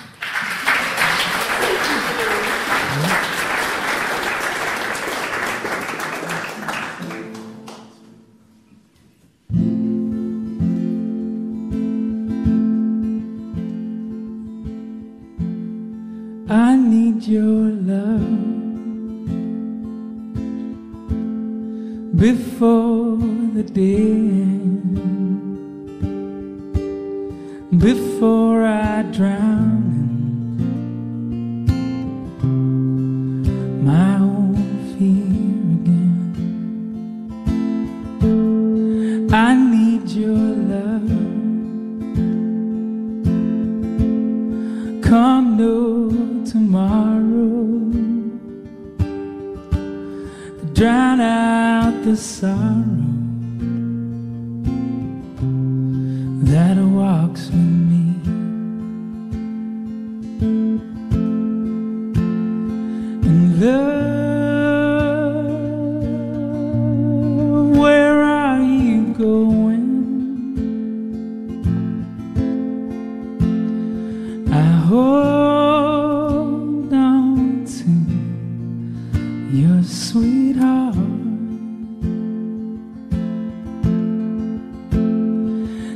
say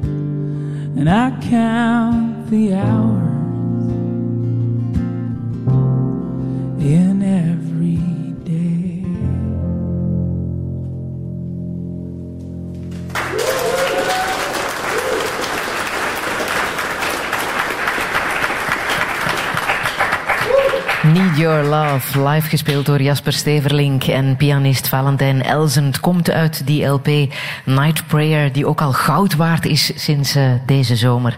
En wij zijn blij dat hij hier eh, live op de boekenbeurs voor ons speelt.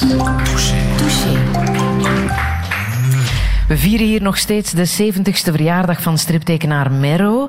En we hadden het zo net al over jouw dochter Mero. En ik heb er meteen jouw twee liefdes bij gehaald. Niet alleen jouw dochter Ine, maar ook je vrouw Ria. Geef ze allebei een applaus.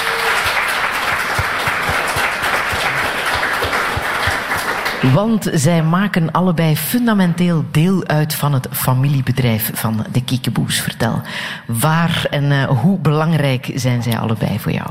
Ja, heel belangrijk. Ik, zeg, ik voel me een beetje directeur van een familiecircus. Iedereen moet meedoen. Zo is het wel, hè? En, ja, maar Zo, zo is het ook. Ja, mijn vrouw was al van, van, ja, van, van bij het begin. Zij is begonnen met uh, de, de strip te letteren. Meteen toen ik begonnen ben, dat gebeurde dat nog allemaal met de hand. Uh, zij doet de administratie, zij doet de boekhouding. Uh, al dat soort dingen die ik niet leuk vind, doet zij. Zodanig dat ik me op de, op de prettige dingen kan concentreren. En Ria, vind jij het leuk om het allemaal te doen?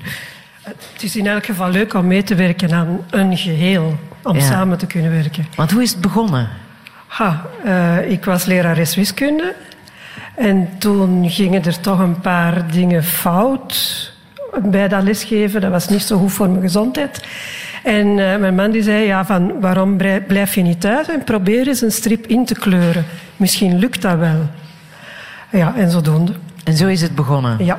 En dus het was goed, vermoed ik, Mero. Ja, tuurlijk. Wat- wat ja, ja, ja, ja, ja, ja. Ja.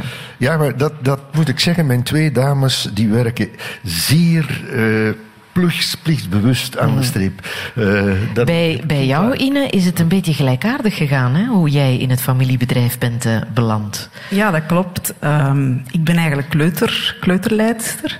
Ik heb dat tien jaar gedaan.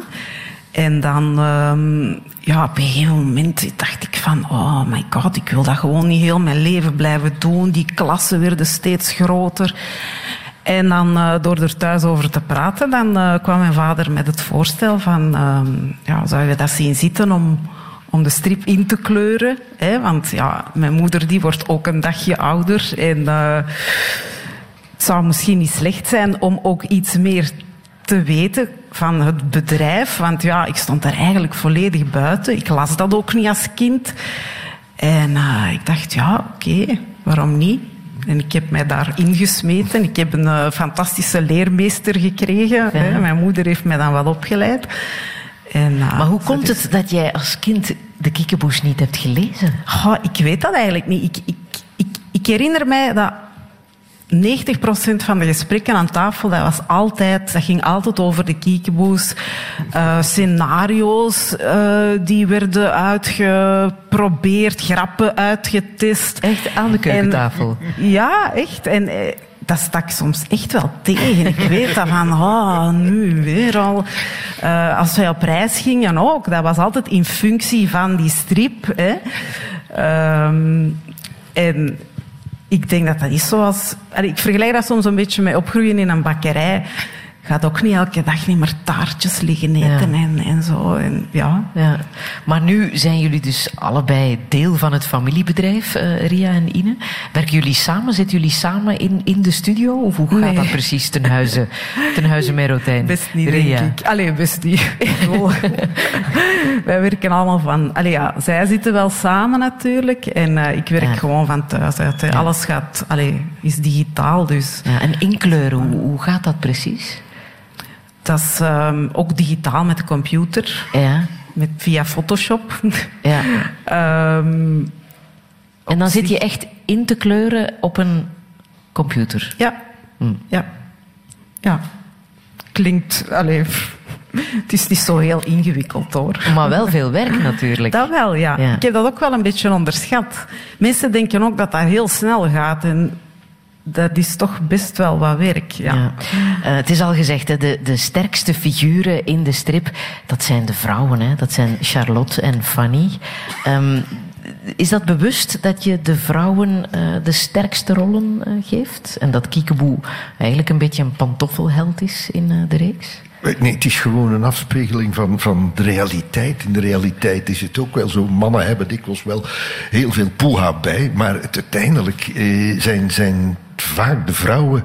eh, ja, de vrouw achter de man, een cliché, maar eh, ja. die bepalend is vaak hoe een, hoe een man wordt. En, en dit is ook de eerste strip eigenlijk waar Vlaamse strip toch, dat de vrouwen echt een volwaardige rol in spelen. Ja, je had, vroeger had je een tante Sidonie of zo'n bazige madame Pijp had je in strips. Een, een, een mooie vrouw tekenen. Ja, dat kon toen niet in het, in het katholieke Vlaanderen van de jaren 50. Dat mocht niet. Eh, en ja, toen Kiekeboes begon in de jaren 70, dan lag het allemaal een beetje al anders. Het is dan ook begonnen in een liberale krant, waar dan ook wel iets meer kon eh, dan in de katholieke pers. Ja, en ik heb daar toen van, van geprofiteerd om die vrouwen beter te profileren. Bij Charlotte zie je nog een, een evolutie, want die was in de beginnen eigenlijk nog zo echt het moedertje aan de haard.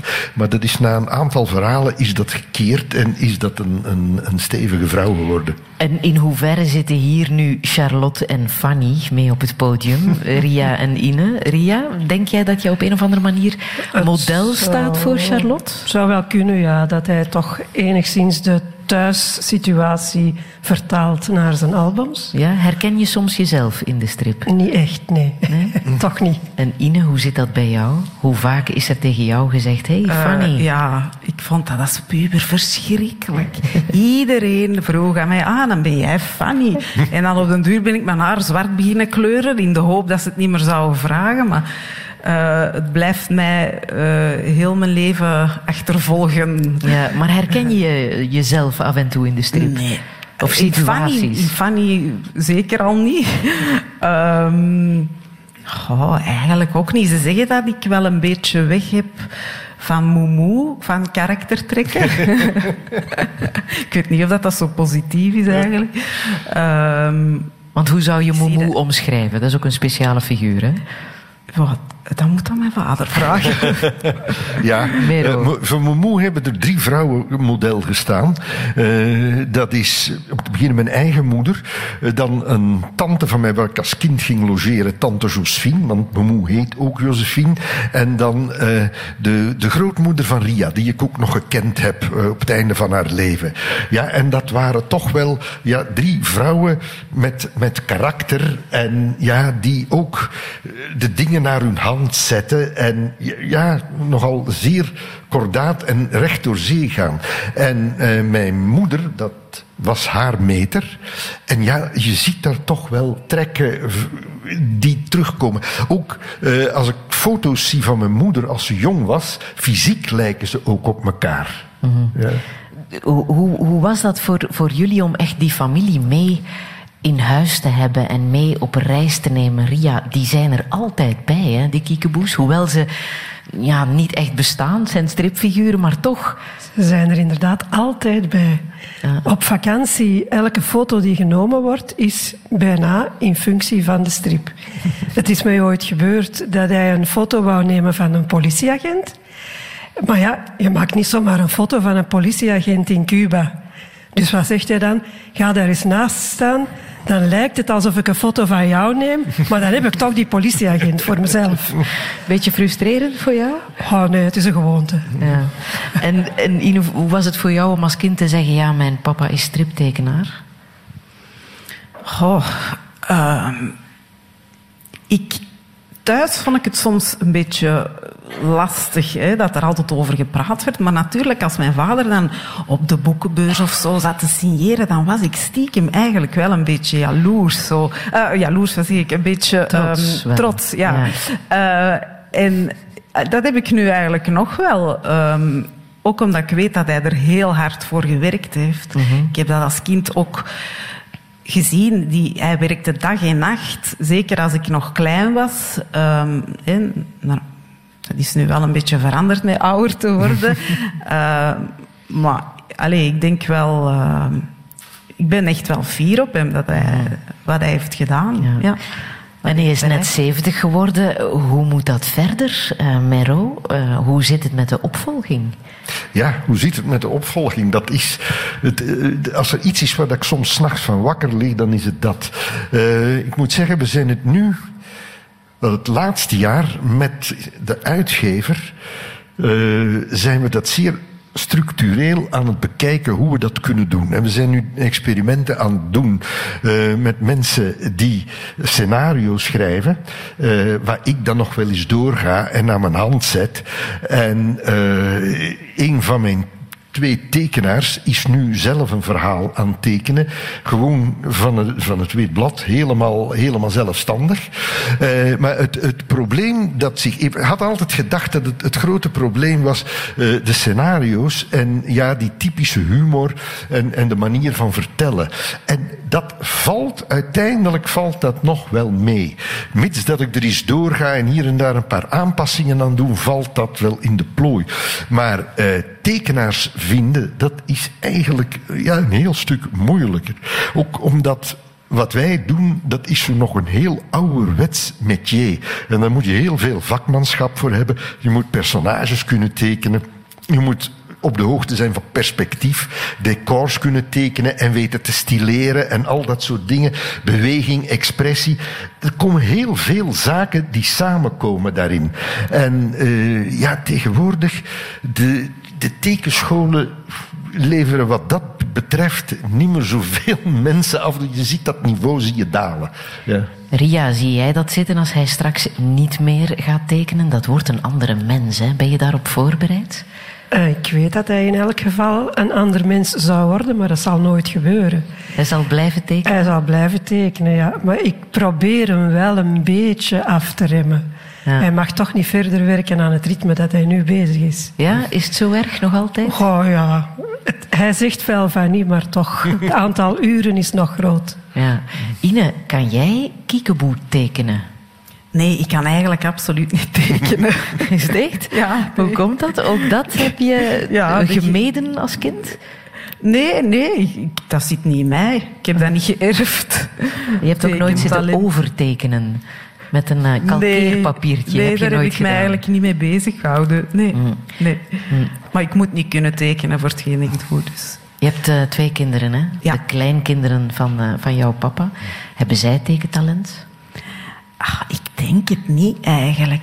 Ik weet het niet. Met de, met de Ja, was, ja. wel mooie tekeningen. Ja, maar die is daar zo gewoon Ja, mee gestopt. die is mee Die gestopt. Die, die doet dat niet meer zo. Ben je daarmee bezig? Dat het talent toch op een of andere manier zou kunnen doorcijpelen in de familie? Ja, dat, dat zou natuurlijk leuk zijn, maar ja, dat, dat is al wel een toevalstreffer hoor, dat dat, eh, dat, dat gebeurt. Want ben jij een goede tekenaar, Mero? Eigenlijk niet. Maar ik was al te bekend eh, toen ik erachter kwam. Eh, Maar meen je dat nu? ja, maar nee, ik ben eigenlijk. Eigenlijk ben ik geen tekenaar. En ik zie dat ook met, met mijn collega's. Ik ben een verhalenmaker. En ik ben eigenlijk beginnen tekenen omdat ik strips wou tekenen. Ik wou verhalen vertellen. Ik deed dat als kind met de poppenkast, maar toen zag ik dat je met strips dat je er veel meer mogelijkheden had om ermee te doen. En dan ben ik echt beginnen oefenen, beginnen aftekenen. En ik heb daar eh, ja, uren, en uren en uren bezig geweest. Eh, bij Van der Steen heb ik heel veel geleerd. Maar ik zie het van collega's die in hun vrije tijd gaan die schilderen of maken aquarellen of doen van die dingen. Ik niet. Ik teken louter in functie van mijn strip en daarbuiten teken ik nooit. Ik zit wel eens te schrijven, want dat vind ik veel leuker om dingen te schrijven dan dat ik zit te tekenen. Maar ik ben niet echt een tekenaar puur sang. Je hebt de biografie van Peo gelezen, hè? de vader van eh, de Smurfen, L'Enchanteur. Een, eh, een boek dat jou eh, behoorlijk heeft bezig gehouden, net omdat het ook gaat over wat na mij kan een stripfiguur blijven overleven. en ik vond het, vond het een, een, van de beste, een van de beste stripbiografieën eh, die ik gelezen heb. In allemaal, je komt jezelf daar eh, voortdurend in tegen. Want dan zie je al die grote mensen, ook Franquin, Hergé. Dan kom je dezelfde problemen tegen, ook dezelfde conflicten met uitgevers. En dat, al dat soort dingen, dat, dat kom je tegen. Maar ik moet zeggen, die biografie van P.O. vond ik heel schitterend.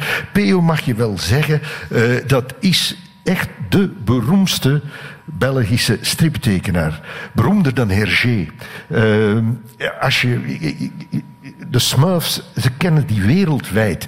Ik heb het al vaak aan Amerikanen, aan Japanners moeten uitleggen. Ja, maar nee, dat is Belgisch, dat komt van ons. Dat, dat geloven ze dus haast niet. En uh, die man is heel eenvoudig begonnen. Ja, die zat in, uh, bij het weekblad Robbedoes. En die tekende een ridderstrip, Johan en Pirwit. Een hele leuke komische ridderstrip. En op zeker ogenblik zijn er dan die smurfen als nevenfiguren bijgekomen. Ook het klassieke verhaal van waar die, die naam, uh, Lestromf, waar het vandaan kwam aan de Belgische kust. Dat hij met uh, Franquin, ze zaten te eten en uh, hij vroeg, geef me het zout eens door, maar ik kon niet op het woord komen. Zei, donnez-moi Lestromf.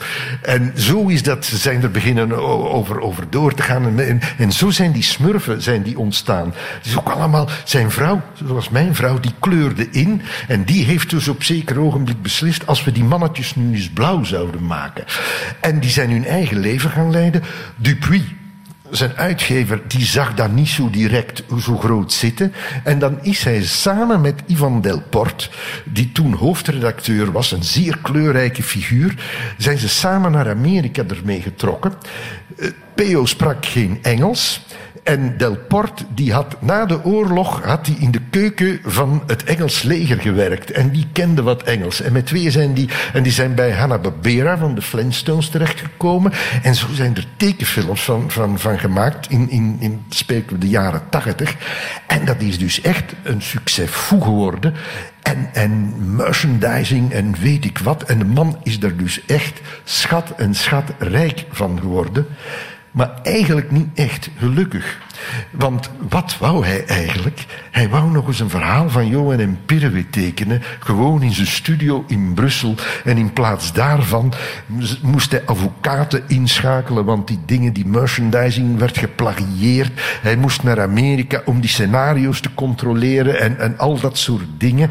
En hij is ook niet zo oud geworden. Ik geloof dat hij 67 was toen hij aan kanker stierf. En nu, ik moet zeggen, ja, zijn, zijn nakomelingen, zijn, zijn zijn kinderen zijn er goed mee. Zijn dochter, die leidt nu heel die zaak. En dat is dus een, een gigantisch imperium geworden. En je ziet, je, als, je, als je ziet dus in Amerika, je komt die smurfen overal tegen. Bijvoorbeeld Spielberg maakte de Kuifjesfilm. En toen hij in Amerika uitkwam, in die periode waren we daar. En dan ga ik natuurlijk overal letten. En wat zie je van merchandising en, en dingen, wat ligt er hiervan? Bijna niets. Maar van de smurfen, dat vond je overal. Ja. We gaan nog luisteren naar een laatste nummer van uh, Jasper Steverlink.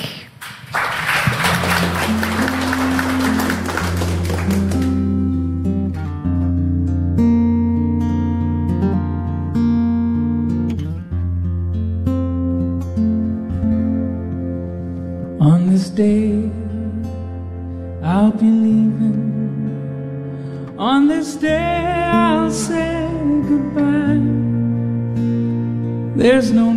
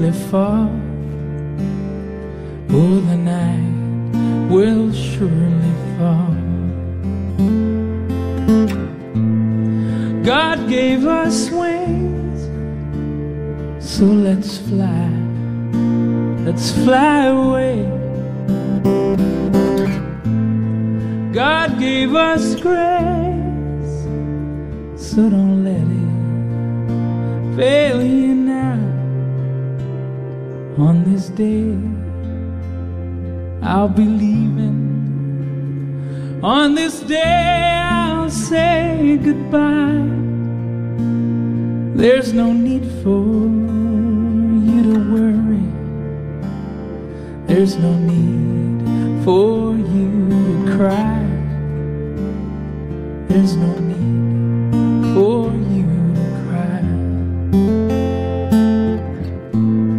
And don't you forget how I've loved you for so long. Don't you regret anything that you've done on this day? I'll be leaving. On this day, I'll say farewell. There'll be laughter, there'll be smiles, there'll be stories left to tell of how I knew you well. Oh, how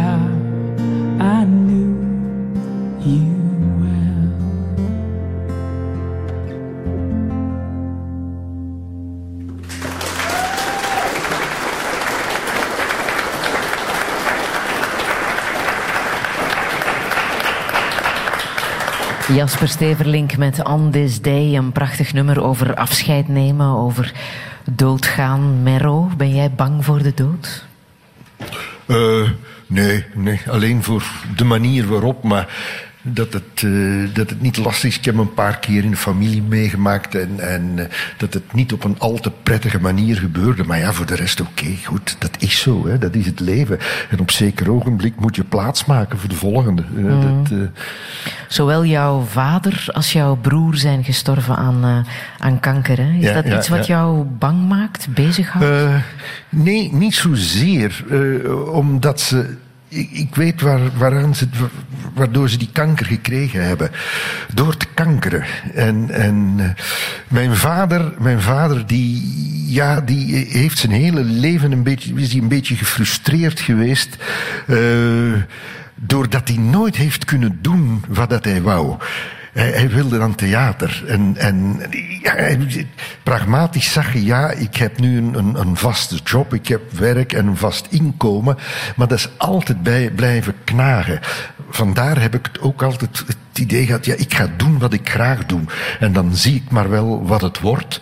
Eh, en als het niks wordt, dan hou ik er een kater aan over. Maar als ik het niet probeer, hou ik er nog een veel grotere kater aan over. Heb ik van hem geleerd. En mijn broer, ja, eh, een beetje, beetje zielig. Eh, dat was mijn grote voorbeeld als kind. Ja, mijn 14 jaar oudere broer, daar keek ik naar op. En ja, die man die is op het einde van zijn leven, ja, dat, het, het liep ook allemaal een beetje mis. Hij was, professioneel werd hij opzij geschoven. Eh, zijn huwelijk liep op de klippen. En ja, en hij had dan ook een beetje een drankprobleem dat daardoor kwam. En, en dit, het, was, ja, het- hij zat, het was ook een kankeraar. Terwijl hij in zijn jonge jaren, want hij was, was leraar, was onderwijzer. En als ik mensen spreek die bij hem in de klas zaten, die hadden er fantastische in herinneringen aan. En hij was voor zijn tijd een zeer progressieve leraar. Maar naar het einde van zijn leven werd hij eigenlijk conservatiever en conservatiever en zat hij te kankeren op alles en op de maatschappij en zo. Dus hij kon blijkbaar helemaal niet meer mee. En ik denk, en ik heb het nog gevallen gezien, eh, ja, kanker krijg je vaak van te kankeren. En eh, ik probeer dat zoveel mogelijk te vermijden. Ja. En hoe doe jij dat? Hoe probeer jij mentaal en fysiek gezond te blijven? Eh, ja, gewoon, ik ben altijd bezig geweest met hetgeen ik graag doe. Ik prijs me daar ook heel gelukkig mee. Eh, ik heb eigenlijk nooit echt een, een, een job gehad waar ik naartoe moest. Ik ben altijd fluitend naar mijn werk gegaan. Eh, ook in de tijd daarvoor bij Willy van der Steen, want dat was een heel atypisch atypisch werk. Ja, je ging, ging daar tekenen. Je zat er met een, een, groep jonge honden toen, want er waren allemaal jonge mensen die daar, die daar zaten. Dat ging heel vlot en daarna ben ik voor mezelf begonnen. En ik had dan het geluk dat die strip vrijwel succes had. Vroeg succes had. Dus ik mocht mijn, zin doen. Uh, ik had niet, geen uitgever die, uh, die boven me stond, die zei dit of dat. Nee, zolang het verkocht was dat allemaal oké. En hetgeen ik zeg, ik was een vrolijke dictator over mijn universum. Ik had, beheerste heel dat universum. En zo kun je toch een heleboel stress en problemen kun je achterwege houden. Maar wat zou je echt nog willen in het leven? Goh, Pas op, hè, want je hebt op die vraag ooit eens een ja, antwoord ja, ja, ja, gegeven. Ja, ik het moet oppassen wat was ik toen... En toen was een film, een live film met, uh, met, met, met acteurs. Ja, van Kiekeboe. Van Kiekeboe. En dat is er dan gekomen, maar dat is me zuur opgebroken. Dus let op wat je nu zegt. Ik zal, je, je krijgt een herkansing. Ah, ik krijg, een herkansing. wat zou je echt nog willen? Waar droom je nog van in je leven? Het zit toch wel weer die richting uit hoor. Ik zou eigenlijk nog wel eens graag een, een, een, een serie hebben, een televisieserie daar rond, in 3D-animatie. Iets dat in de stijl van de Simpsons, de Flintstones, iets in, in, in, op die manier. Dat, dat, dat zou ik nog wel zien zitten. Klopt het dat er ooit een plan was geweest om van de Kiekeboes een soort opvolger van FC de Kampioenen te maken? Dat plan is er ooit geweest. Uh, dat plan is er ooit geweest en dat uh, mensen van de VRT zijn toen bij, bij mij geweest, bij de uitgeverij. En ja, dat, dat ging iets met enorme budgetten. Het werd dus allemaal zo live, in live decors gefilmd worden. Ook uh, uitstapjes zoals in de albums naar het buitenland en zo. dat kon, maar dat was nog voor de bankencrisis dat, dat, dat dat gebeurde. Maar toen kreeg ik dus het eerste voorstel binnen, want dan waren, gingen ze daarop zitten en dan begint het. Maar die Marcel Kiekeboe, moet dat nu per se een kale zijn met een snor? En ja, uh, zijn vrouw Charlotte, als we die nu eens een koopverslaving geven. En dan maken we van Constantinopel, daar maken we een puber van. En die zit heel de tijd achter de vriendin van Fanny aan. En uh, ja, en er bleef al niet zo veel meer over zo, ja, dat, dat, dat is hetgeen dat vaak gebeurt met, uh, Ja. met dat soort uh, adaptaties. Men wil er dan een eigen stempel op drukken. En ik heb nu, dat heb ik geleerd, als er nog een adaptatie komt, moet het dicht bij de strip staan. De allereerste die er gebeurd was, het Witte Bloed, door de toenmalige studio's Amusement, de Scamp, als je het nu terugziet. En er zitten een heleboel fouten uh, in, maar ik heb hem vorig jaar nog eens samen met mijn kleinkinderen bekeken en die vonden het leuk. En ik hoor het nog, als er af en toe wordt die nog eens gespeeld, kinderen vinden, vinden het nog leuk, omdat het dan de kiekeboesgehalte heeft. Ja. Hetzelfde met de theaterproductie van Studio 100. Uh, en daar heeft toen Gert Verhulst voor gezorgd. Gert Verhulst, dat zelf een kiekeboelezer is, dat het heel dicht bij de streep stond. En dat is altijd het probleem. Men wil daar altijd vandaan en zijn eigen inbreng. Nee. Ik wil als laatste nog heel even muziek van uh, Harry Saxioni laten horen. Ja? Want dat heeft veel te maken met Ria en Ine, met je dochter en met je vrouw. Ja, ja, ja. Namelijk? Ja, het is eigenlijk, mijn vrouw was de grote fan van Harry Saxioni. Was toen, in die tijd, we gingen regelmatig kijken naar Herman van Veen, was zijn pianist. En uh, die heeft ooit eens een concertstuk geschreven, Vensters. Wat we live gezien hebben, dat hebben ze in de Koningin Elisabethzaal, hebben ze dat opgevoerd. Uh, dat was pure horror. Want dat was met het Brussels Symfonisch Orkest die er al heel weinig zin in hadden, omdat ze dus die Nederlandse langharige gitarist moesten begeleiden. En, uh, maar om een kort verhaal, al een lang verhaal kort te maken.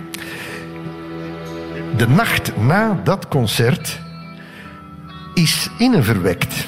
Voilà, daar wou ik toe komen. en dat kunnen we nu nog heel even laten horen.